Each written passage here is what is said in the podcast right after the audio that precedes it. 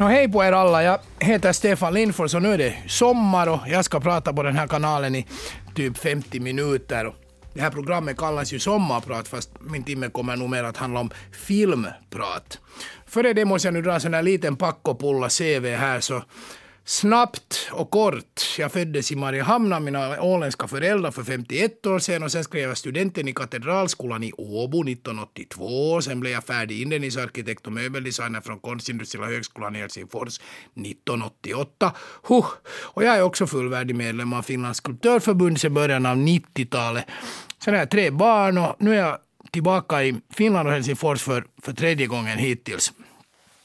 Att sådär. Men på hösten år 2002 när jag var tillbaka i Finland och Helsingfors för den andra gången i mitt liv så ringde en kväll Hims manager Seppo Westerinen. Och så sa han att moi, och jag sa moi. Så han att, hördu, att, att, att jag har ju hört att du har gjort lite filmer här senaste året och, och, och Ville eh, är också bekant med det här faktumet och nu är vi lite intresserade av att om du skulle vilja göra då en, en musikvideo till Hims nästa sinko så säger jag alltså menar du då Ville, Ville, Ville, Ville? Så att jo det gör jag, jaha, säger jag för jag hade aldrig då träffat, träffat äh, bandet eller stjärnan själv. Och så sa jag då att nå, jo, det stämmer att jag har gjort några filmer, men jag har nog tyvärr inte gjort någon musikvideo. Jag har haft så hopplösa erfarenheter av att hur det är att, att försöka få göra en film före man har gjort sin första film. Så nu måste jag då säga åt dig också att jag kan ju inte göra någon musikvideo åt er eftersom jag inte ännu har gjort någon musikvideo. Nå, vår gamla musikvän Seppo sa att det där är vi fullt medvetna om och det är faktiskt därför vi är intresserade av att se vad du eventuellt skulle kunna bidra med för Kims nya skivas första sinko och musikfilm. Jag var ju förstås väldigt smickrad och skrev då en story efter att ha fått höra tre låtar. Och då kunde man inte ännu säga vilken låt det skulle bli. Men på det sättet var det bra att det inte var helt definierat, för då fick jag istället fundera på ställningstagandet i, till, till filmen, som sagt. Och skrev en story och sen kom jag ihåg att när jag vaknade på morgonen så sa jag faktiskt åt min fru att nu kommer jag åtminstone inte att få det här uppdraget, för jag har nu skrivit någonting så off som man bara kan för det här bandet. För jag hade tittat på Hims filmer då liksom de, som de dittills hade producerat och det var nu mest en massa vackra brudar som gnider sina bröstvårtor mot fönstret eller någonting och sen den här otroligt karismatiska och sexiga rockstjärnan som, som sen balanserar upp det hela med att sjunga sina låtar. Och jag tyckte att han var alldeles tillräckligt karismatisk och sexig. Det behövs det en massa brudar där också, så jag skrev en saga istället. Dit jag satt in såna ingredienser som jag själv är intresserad av. Häxor och barn och hundar och hästar och en massa djur. Jag vill alltid ha massa djur och barn i, i mina filmer har jag, har jag nu lyckats mm, konstatera här på senare tiden. Och, och så redan då. Men surprise, surprise, så gick det faktiskt så att de diggade den här idén och tanken. Och jag fick det här jobbet. Och så var det ju bara då att eh, spika fast filmdagar och sen skulle jag ju ha hela bandet och rida på hästar. Och, min, min line producer Nick Lovelock, en britt, så han sa sen åt mig så här att Stefan, you can't put the band, band in saddles riding on horses. Och så sa jag bara att who said anything about saddles? blev han ännu mer chockerad och sa att herregud, ändå ska det vara något barbackaridande här med liksom någon rockband. Och de gick i ridskola i två dagar. Sen sköt vi den här filmen uppe i norra ishavet i en dag. Där var det förresten minus 42 eh, i Kilpisjärvi den 5 januari. Så att det, där, det var ganska ambitiöst det här projektet. Och sen när den blev färdig och var klippt så var då eh, Seppo Westerinen himsmanager och Ville själv och Asko Kallonen som var Finlands chef för BMG och ansvarig för HIM då på den tiden i Finland. Alla nöjda och glada. Och den här filmen skickades till Tyskland, till högkvarteret. En vecka senare ringer Seppo till mig och säger att jag har lite tråkiga nyheter. Cheferna i Tyskland tycker att det här är bara skit. Jag blev ju liksom gråtfärdig och tänkte att vad fan att nu hade jag äntligen en chans att liksom få ett, komma in i den här musikfilmsbranschen åtminstone på något sätt. Det var ju en härlig låt, den här låten som sen till slut då förstås blev definierad och, och till Funeral of Hearts som den sen hette. Och det, men det fanns ingenting att göra, det var bara att vänta. I Tyskland tyckte nämligen ledningen att det här hade ingenting att göra med Hims image och de tyska fansen som då ännu var Hims viktigaste fans, det vill säga de 14-åriga tyska flickorna, skulle nu inte bli något hotta på att se gamla häxor och hundar och hästar i ett eh, landskap av snö och is som jag då hade skrivit min story och regisserat den därefter. De hade till och med sagt åt Seppo att ja, vad är det här? Dessutom det kommer ju rök ur Villes mun och då hade Seppo sagt att jo, det gör så när det är minus 42 grader ute och, och så vidare. Men att eh, det var ju bara att vänta och två veckor senare ringde då Seppo till mig igen. Och då sa han att nu är det så att de kommer att skicka ut filmen på de två stora filmkanalerna i Tyskland och den ena var då Viva som var liksom den största musikfilmsdistributören, det vill säga tv-kanalen i Tyskland 19, eh, förlåt, 2002 och sen också naturligtvis på MTV Germany. Och det gjorde de. Och jag var ju förstås väldigt glad. Sen ringde Seppo till mig tillbaks på kvällen samma dag och sa att nu är det nummer ett. Både på Viva och på MTV Germany. Det här var alltså Funeral of Hearts och också då låten till min första musikfilm för Him år 2003. Och jo, som sagt så gick det då inte som BMGs ledning uh, var rädda för att den skulle bli, ha blivit en katastrof och flopp, utan tvärtom. Den blev nummer ett i Tyskland samma dag den kom ut på kanalerna. Det här var väl då i mars 2003 och sen efter det blev den då etta i alla länder i Europa. Eh, förutom i England där den blev nummer fem. Men det var också första gången som HIM eh, överhuvudtaget presenterades via en musikfilm i England. Så det var, en, det var egentligen kanske den viktigaste segern. Och nästa år, 2004, fick, fick Fury of Hearts musikfilmen Kerrang tidningens eh, pris för bästa musikfilm in the world 2004. Så att det här var ju härligt för alla. Men nu vill jag ju poängtera här att den här framgången berodde ju absolut inte på det att jag skulle vara en bättre regissör än någon annan. Utan det handlar om en identitet och det handlar om ett koncept som, var, som är annorlunda. Och sen handlar det om att om man gör någonting annorlunda så finns det alltid en möjlighet att man träffar rätt. Det finns naturligtvis också en möjlighet att man träffar fel. Nå, nu träffade det nu så rätt som det bara kunde. Och det är väl det som jag är ute efter i allt jag gör. Jag har liksom ofta i, i, i min karriär eh, sagt att det är avsevärt säkrare att ta en risk än att spela tryggt. Spelar du tryggt så blir du aldrig någonting eh, annorlunda än någonting annat. Tar du en risk och, och respekterar din egen identitet och din egen idé så då har du ju naturligtvis också en möjlighet att komma lite högre upp än de här andra. Att om jag nu tänker på till exempel Steve Jobs och Richard Branson så har de gjort sina egna grejer och det finns en massa businessmänniskor ute i världen som aldrig kommer någonstans men de har alla i sin salko så har de en bok av Richard Branson eller Steve Jobs och de predikar de här sakerna men förstår inte att de borde också göra sin egen jotto. Eh, det var en lärdom och dessutom så lärde jag mig då att, att de som vet allt vet inte alltid allt.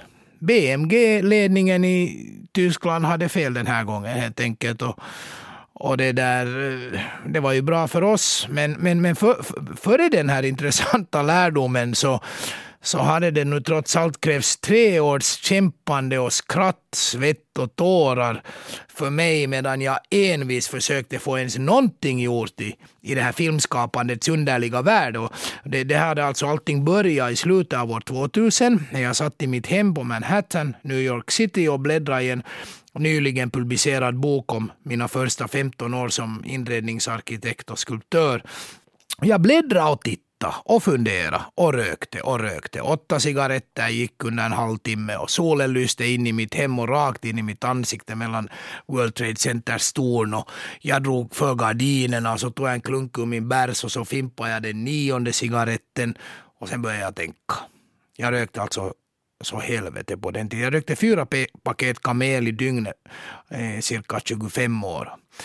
Nu har jag slutat och nästa år är jag helt nikotin och kärfri sen tre år tillbaka då jag fimpade den sista spaddon i oktober år 2010 på min gård i Venice i Los Angeles. Det var en födelsedagspresent till min äldsta son. Jo, jo, äh, äh sorry, alltså nog om rökande tillbaks till, till, till den här grejen. Jag bläddrar den här boken. Jag, jag förstår att jag har kommit till en viss fas i mitt liv. Om det nu är så att jag någonsin vill göra film så nu är det, då är det nu. Och när jag hade kommit till Manhattan 1996 så kom jag ju dit med ganska hyfsade referenser som formgivare och skulptör. Och ändå tog det ett år före jag fick någonting gjort där. Sen gick det bättre och nu finns där monument som jag har byggt upp som konstnär. Och allt gick vägen till slut, men jag förstår ju att om jag nu ska försöka göra film här utan att ha gjort min första film, så kommer det antagligen inte att gå vägen. Och kom sen till den slutsatsen att voi sablar, det är nu bara att fara tillbaka till Finland det. Och det här var ju också på sätt och vis liksom ett sätt att känna både respekt och, och, tacksamhet för, för moderslandet, vilket jag inte hade gjort kanske någonsin före det. Jag konstaterade att jag måste till Suomi om jag ska få någon chans att visa vad jag, kan, vad jag står för, för som, som filmmakare. Och, och, och det ännu värre var det att inte featurefilm som Ingmar Bergman eller Ridley Scott, utan reklamfilm. Och den tanken hade jag kommit till via det att jag kände reklamfilmsvärlden i Finland. Och så hade jag också i tiden sett fantastiska reklamfilmer av några sådana här superstjärnor eh, ute i världen som hade gjort otroliga reklamfilmer. Jag förstod kanske inte då ännu att så är det kanske inte i varje reklamfilmregissörs vardag hela tiden. Men sagt och gjort, jag får tillbaka i Finland. Ja.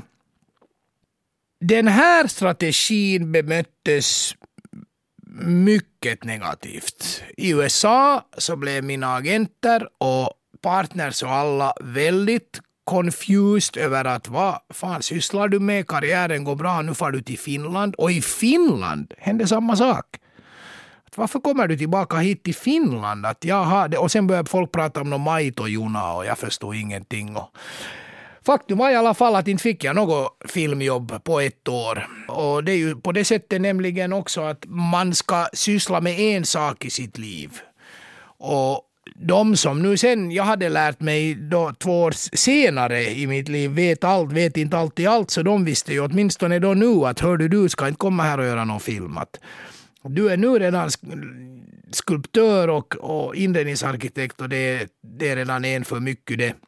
Så jag fick ju fortsätta och, och jobba med vad jag då har licens till och började då arbeta på ett högkvarter för en ny telefonoperator som hette DNA. Ett mycket ambitiöst projekt, det lyckades ganska fint och när eh, det började närma sig eh, slutet av år 2001 så ville då DNAs ledning att jag skulle hjälpa dem med att fundera på programmet i öppningsfesten för det här nya högkvarteret som jag och mina eh, partners hade formgett. Och så sa jag att hej, att vad om vi istället för att ha någon, ha någon där som spelar fiol eller dansar, att om vi ska göra en film istället. Att vi, gör en, vi gör en liten kortfilm om DNA och så i den där filmen så visar vi det här högkvarteret och pratar samtidigt om DNAs filosofi. Och så blir det som en filmpremiär och tre minuter och folk står där med champagneglasen och tycker att toi on kyllä todella hyvä läppä. Että varför kommer du med någon sån där idé att det här är någon hund begraven? frågar sen Kai Frimas. jag kyllä. Och så brast jag ut i gråt och sa att jag måste få göra en film. Jag har väntat på att göra film i ett år. Äh, bu, bu, bu. Jag har kommit tillbaka från New York bara för det här. Och så att, nåja, mixej, tehdään näin. Sen skrev jag då en sån här semisurrealistisk story som de tyckte mycket om och i den storyn hade jag då en av två huvudroller och för att jag skulle liksom ha en annan personlighet än den som jag då var eh, känd som via tidningarna så tänkte jag att jag rakar bort håret och då sa att jag måste vara skallig i den här rollen. Så det att usch vad äckligt, att det vill jag nog inte alls göra men att jag måste nu då väl för att det passar den här storyn. Så jag reste ner till min moster Los Cristianos på södra Teneriffa, raka av mig håret. Jag tänkte att jag far dit så får jag lite sol sen på den där skalliga huvudet, att det inte ser så äckligt vitt ut. Och sen gjorde jag det där uppe i back, någon backe där och klättrade ner för berg och ner till stranden och hem till min moster och gick i duschen och så ringer telefonen och så är det Kai Friman som säger att jo, jag har dåliga nyheter, vi har just konstaterat att inte har vi några pengar att göra den här filmen. Så står jag där utan hår. Så tänker jag, Pirkele. Det där, den här filmen ska göras no matter what.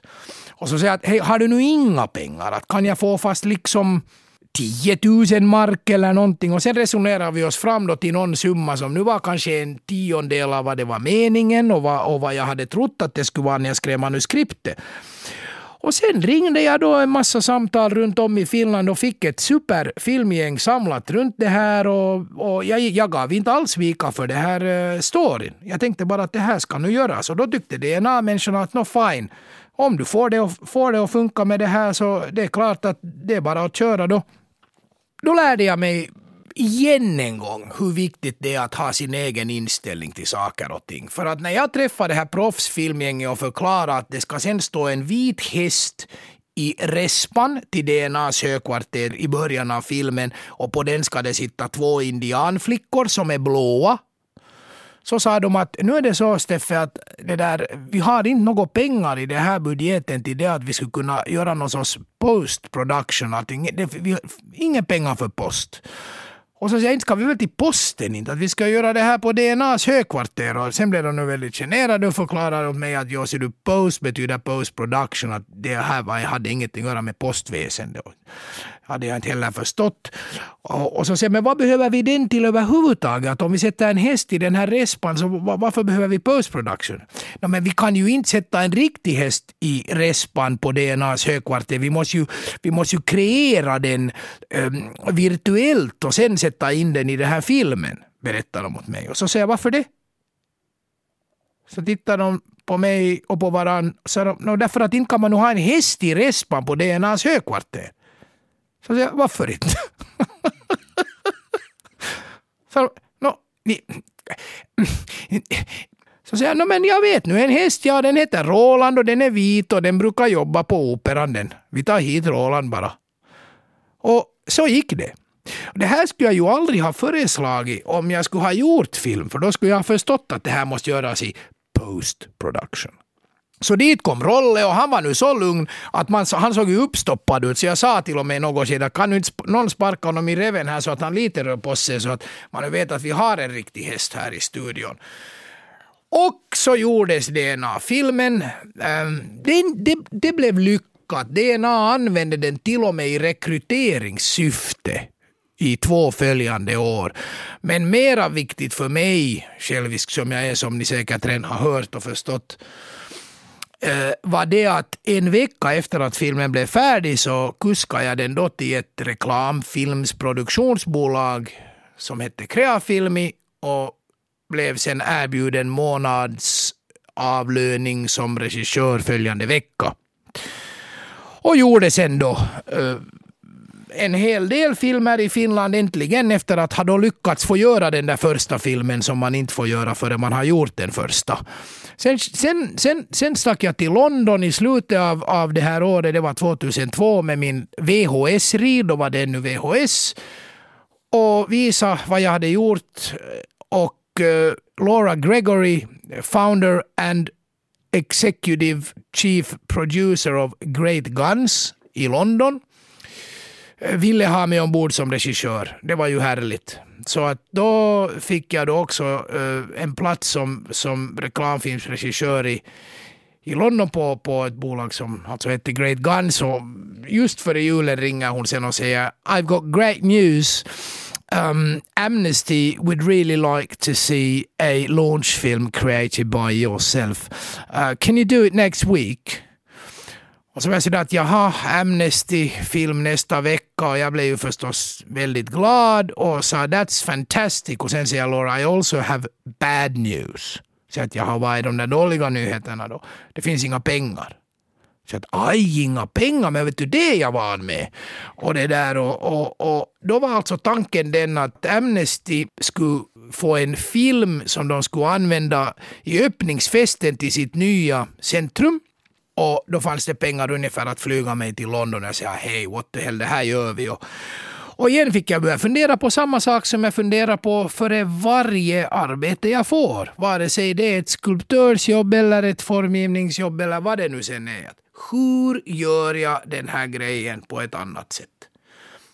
Och jag kom sen snabbt till det att jag gör ett hommage för de som arbetar på Human Rights Action Center i London och tar alla arbetarna och deras barn och sätter dem i ett mörkt rum och så sätter jag på mig en massa ficklampor och så tar jag en liten sån här skitkamera, någon sån här turistvideokamera och så far jag bara och plockar upp de här människorna i mörkret med ficklampornas sken. Så där som en dykare liksom hittar fiskar när han simmar och dyker där på havets botten. Och, och bara ju klipper ihop det där vackert och en fin pätka och 60 sekunder och så får de en launchfilm och, och då, då blir det på riktigt liksom så att man någon gång också tänker på de som jobbar där och inte bara på det här som de här stora reklambolagen gör med mycket pengar. Sen där man visar då hur folk blir torterade och allt det här och det är ju viktigt. Men jag tänkte att jag ska inte tävla med det nu när det inte fanns någon fyrka och tid för det. Det bästa, mest intressanta som jag aldrig kommer att glömma i det här projektet var en kommentar som jag sen fick i Finland av en så kallad kollega av en reklamfilmsregissör. Han sa att men herregud, nu har du möjligheten att då göra en film för ett känt produktionsbolag i London och för Amnesty som är världskänt. Det är hurja prestige och så far du till den stora filmvärlden London, England med ficklampor och en gammal turistvideokamera. Varför det? Och så svarar jag därför just. När man är i stora världen ska man komma ihåg att det där local is global. Man måste göra liksom sin egen jotto. Så så gjorde jag då igen den gången. Och det var nog härligt att göra den här filmen. Sen, sen hade jag en, en underbar klippare, en ung indisk kille som hade jättemycket tålamod och klippa ihop allt mitt material, för jag är ju ingen filmare. Så han gjorde ett underbart jobb och om ni är intresserade av att se den här filmen så då får ni gå in på min sajt och filmen heter Opening Soon, så då kan ni se den där. Men, men om ni vill höra det, eh, det här 60 sekunders klippet av den här låten av ett band som heter Death in Vega och låten heter Dirge, det, det kör vi nu då. Nåja, det här var då inte en reklamfilm fast jag jobbar för ett re reklamfilmsbolag men det var en härlig upplevelse i alla fall och jag förstod väl nog också då redan att att reklamfilm i, i dess traditionella bemärkelse kanske inte skulle bli min grej, men några år senare, efter att då förstås ha fortsatt min karriär som formgivare och inredningsarkitekt och gjorde sen då också lite mera filmer på sidan om, så ramlade jag in i, ett, i byggandet av ett helt nytt brand. Och då gällde det eh, att sälja vatten och samtidigt att understöda någonting viktigt här i världen. Och först var tanken på Afrika och via Unicef och sen blev det eh, mera Tiukka definierat till eh, Finska viken och, och Östersjön och att vi skulle försöka göra någonting för att få den här smutsiga pölen på något sätt lite fixad och samla pengar åt den. Och jag gick med i det här projektet först som formgivare och formgav då en helt ny flaska som jag nu naturligtvis formskydda uh, i princip världen runt. Och, och det där. Sen blev jag också då medlem i företaget som skulle börja sälja, sälja vatten då via det här nya brandet i Finland. Och vi startade en mycket ambitiös reklamkampanj före hela plubbbandet skulle skickas ut. Det här var år 2008.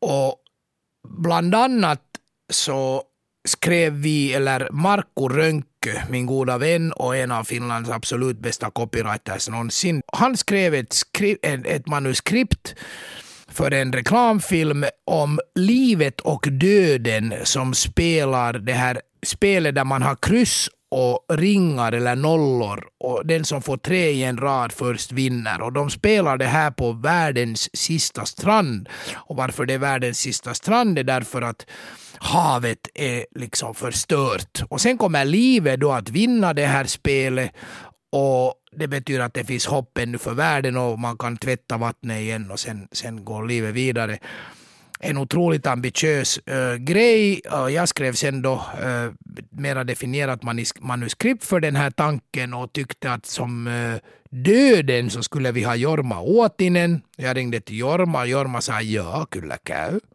Och sen ringde jag till Bam Margera i Philadelphia, min goda vän, gamla skataren och och en av grundarna till, till det här filmprogrammet Jackass. Bam är en crazy kille och otrolig skatare och sa att skulle du kunna komma hit och spela livet i den här filmen? Och han sa of course, så, så flög, han, flög han till Finland och så sköt vi den här filmen och sen när vi började klippa den tänkte att den här blev nog nu så pass kiva också som lite längre att, att vi skulle vilja faktiskt skicka ut den på tv i 82 sekunder.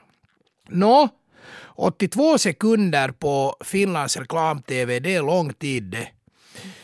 Det är liksom otroligt dyrt. Och då började jag fundera att vad om vi skickar ut den bara en gång? Och sen kom ju frågan, ja men om vi skickar ut den bara en gång så då kommer ju ingen att se den. Sen började jag fundera, att, men vad om vi berättar åt alla här i Finland att vi skickar ut den bara en gång och så berättar vi var? Men hur ska du göra det då? På Helsingin Sanomats sunnuntai första sida förstås. Ja men, inte kan du nu börja ta någon helsidas sunnuntai-Hesari. Det är ju Finlands dyraste printreklampalsta det.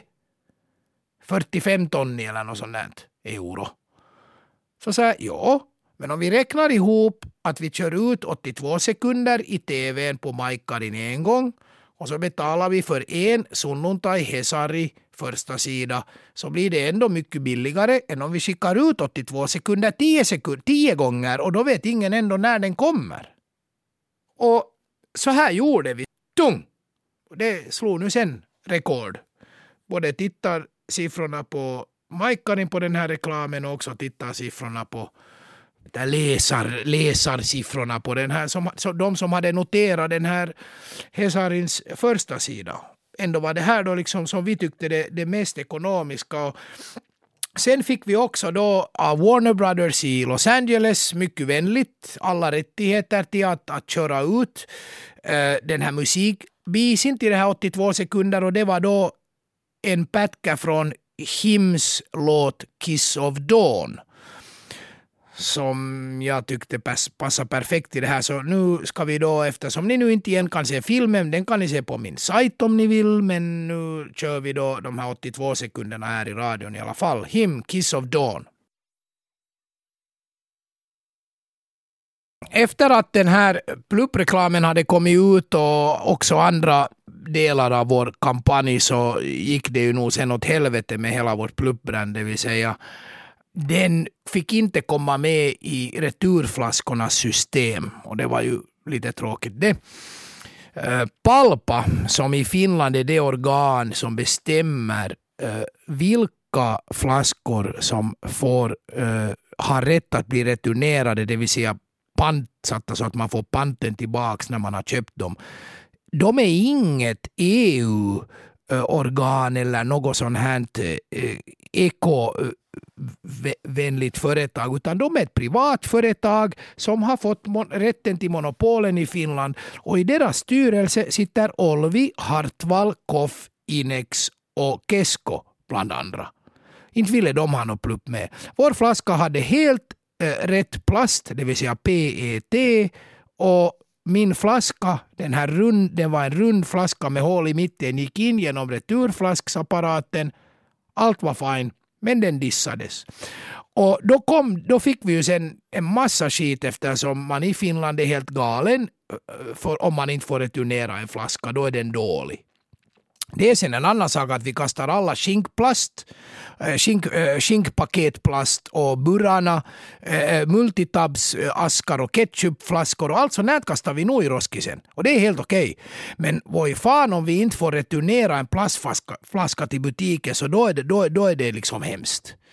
Så att tyvärr är det så att det här, det här plastberget, skräpberget växer hela tiden den här själva flaskorna är bara en liten del av det. Men att eh, eftersom inställningen är vad den är i vårt land så, så, så gick det dåligt för, för, för, för själva branden i alla fall. Men flaskan lever kvar och nu kan man nu köpa den tom utan vatten. Sen kan man sätta vatten i den själv. Just det. Och jag fortsatte sen en, en liten tid i, i, i den här reklamvärlden och, och, och förstås under de här åren som, som filmmakare så, så var det ju klart att, att jag, det blev lite noterat vad jag sysslar med. Och, och jag kommer ihåg till exempel en dag när min goda vän Ismo Alanko ringer och säger att Terve, äh, sä olet tehnyt jotain filmejä, kuule, tota, onko se kallista hommaa? Och så jag sådär att, no ja, se vähän riippuu. Att nja, ah, det kan vara dyrt och sen kan det kanske också inte vara så dyrt. Att det beror nu lite på det.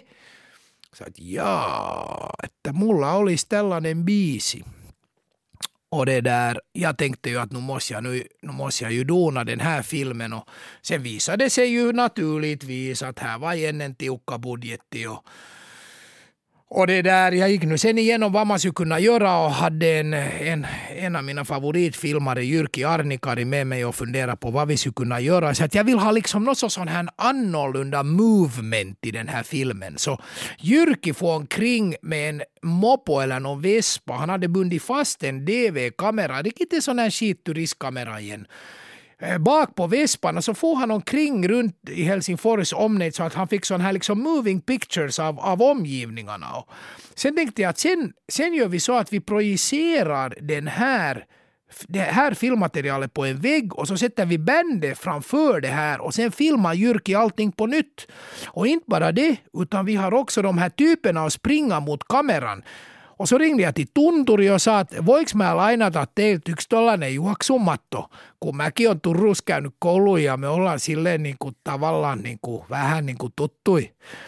Och så tyckte de där på Tunturi att no, det var nog okej att vi lånade en sån här springmatta åt er. Och så fick jag en springmatta då till Helsingfors och så satt vi den i studion framför en vägg där vi projicerade allt det här eh, materialet som Jyrki hade då filmat med sin kamera. Och, och killarna springer framför det och vi gör lite tester och det börjar bli kväll och nästa, nästa kväll måste filmen vara färdigklippt så jag hade en dag att klippa den med min härliga klippare då som den gången var Sanna Linama. Och det där, så allt är härligt och så ska vi börja filma och så går springmattan sönder. Och nu kommer vi egentligen till en sån här situation som jag har varit i alldeles för många gånger i mitt liv och nu när jag är 51 redan så skulle jag inte vilja vara i den så många gånger mer att Ibland händer saker där du är fullständigt maktlös, hur jäkla intelligent du än är och hur bra idéer du än har. Springmattan gick sönder. Det var min assistent Minna som sen lyckades få tag på en elektriker i Jyväskylä. Det var söndag dessutom, så det var riktigt liksom perfekt timing för en sån här situation. Hon fick tag på en elektriker i Jyväskylä och mannen körde. Han körde två och en halv timme ner och kom och så fixade han den. Ja, mä tiedän missä vika on. Och så lagade han springmattan och vi gjorde filmen. Och det blev faktiskt sen en, som jag åtminstone själv tycker, härlig bis i. Själva låten ska vi nog absolut spela här på slutrakan i mitt sommarprat. Det här var då Rova Werner Söder Hinka med Ismo Alanko så är det ju här i livet, precis som Ismo sjunger om, om de här kärlekshistorierna. Att det är nu bara att rova och vänta och det har jag också sysslat med hela mitt liv. Och jag är oerhört lycklig över att jag har fått, fått göra det. Att jag har fått rova och vänta min, min egen kärlekshistoria och jag syftar naturligtvis inte bara till, till flickvänner eller fruar eller hundar och barn och sånt utan, utan till, till, till kärleken för mitt eget arbete. Filmer som jag då har pratat om idag här på det här sommarpratet så, så har då blivit en, en ny dimension i mitt arbete. Och det är klart att man vill ha mera av det som smakar gott. Och jag börjar ju snacka idag med en story om hur jag fick göra min första musikfilm med him, det vill säga Funeral of Hearts. Det var faktiskt i mars 2003 som Funeral of Hearts kom ut och i mars, exakt på veckan, tio år senare, så kom då min följande film ut för him så att det blev ett tioårsjubileum. Och det började så att nu i julas så ringde då Ville till mig och ville att jag skulle göra två filmer till följande skivan som skulle komma att heta Tears on Tape. Och sen hade han själv en idé om att vad om någon skulle rita en symbol. Och jag tyckte att det där var en otroligt fin idé, bara man inte skulle veta vad symbolen betydde. Och sen gick det vidare till det att alla människor runt om i världen ritar den här samma symbolen. Barn och unga och horor och politiker och svarta och vita och gula gröna människor och hundar och katter och alla ritar den här samma symbolen så att people of the earth spread the word. Bra, så här blev det. Nu är det ju då intressant att se vad som, vad som händer när fansen får reda på vad symbolen betyder. Nämligen ingen vet riktigt vad den betyder. Och det där, det väntar vi då på. Se vem som är snabbast. Man kan nämligen inte googla den här symbolen. Tears on Tape, en av Hims någonsin bästa låtar fick en film som jag åtminstone är nöjd med. Och det är då tio år sedan min första film för him, så nu medan ni har en härlig fortsättning på sommaren så tänkte jag då, jag är alltså Stefan Lindfors, vänta tio år till på nästa telefonsamtal och hoppas på att igen få göra någonting lika härligt och intressant och svårt och jobbigt och hur ska vi säga utmanande som det här. Tack så hemskt mycket. Hej då.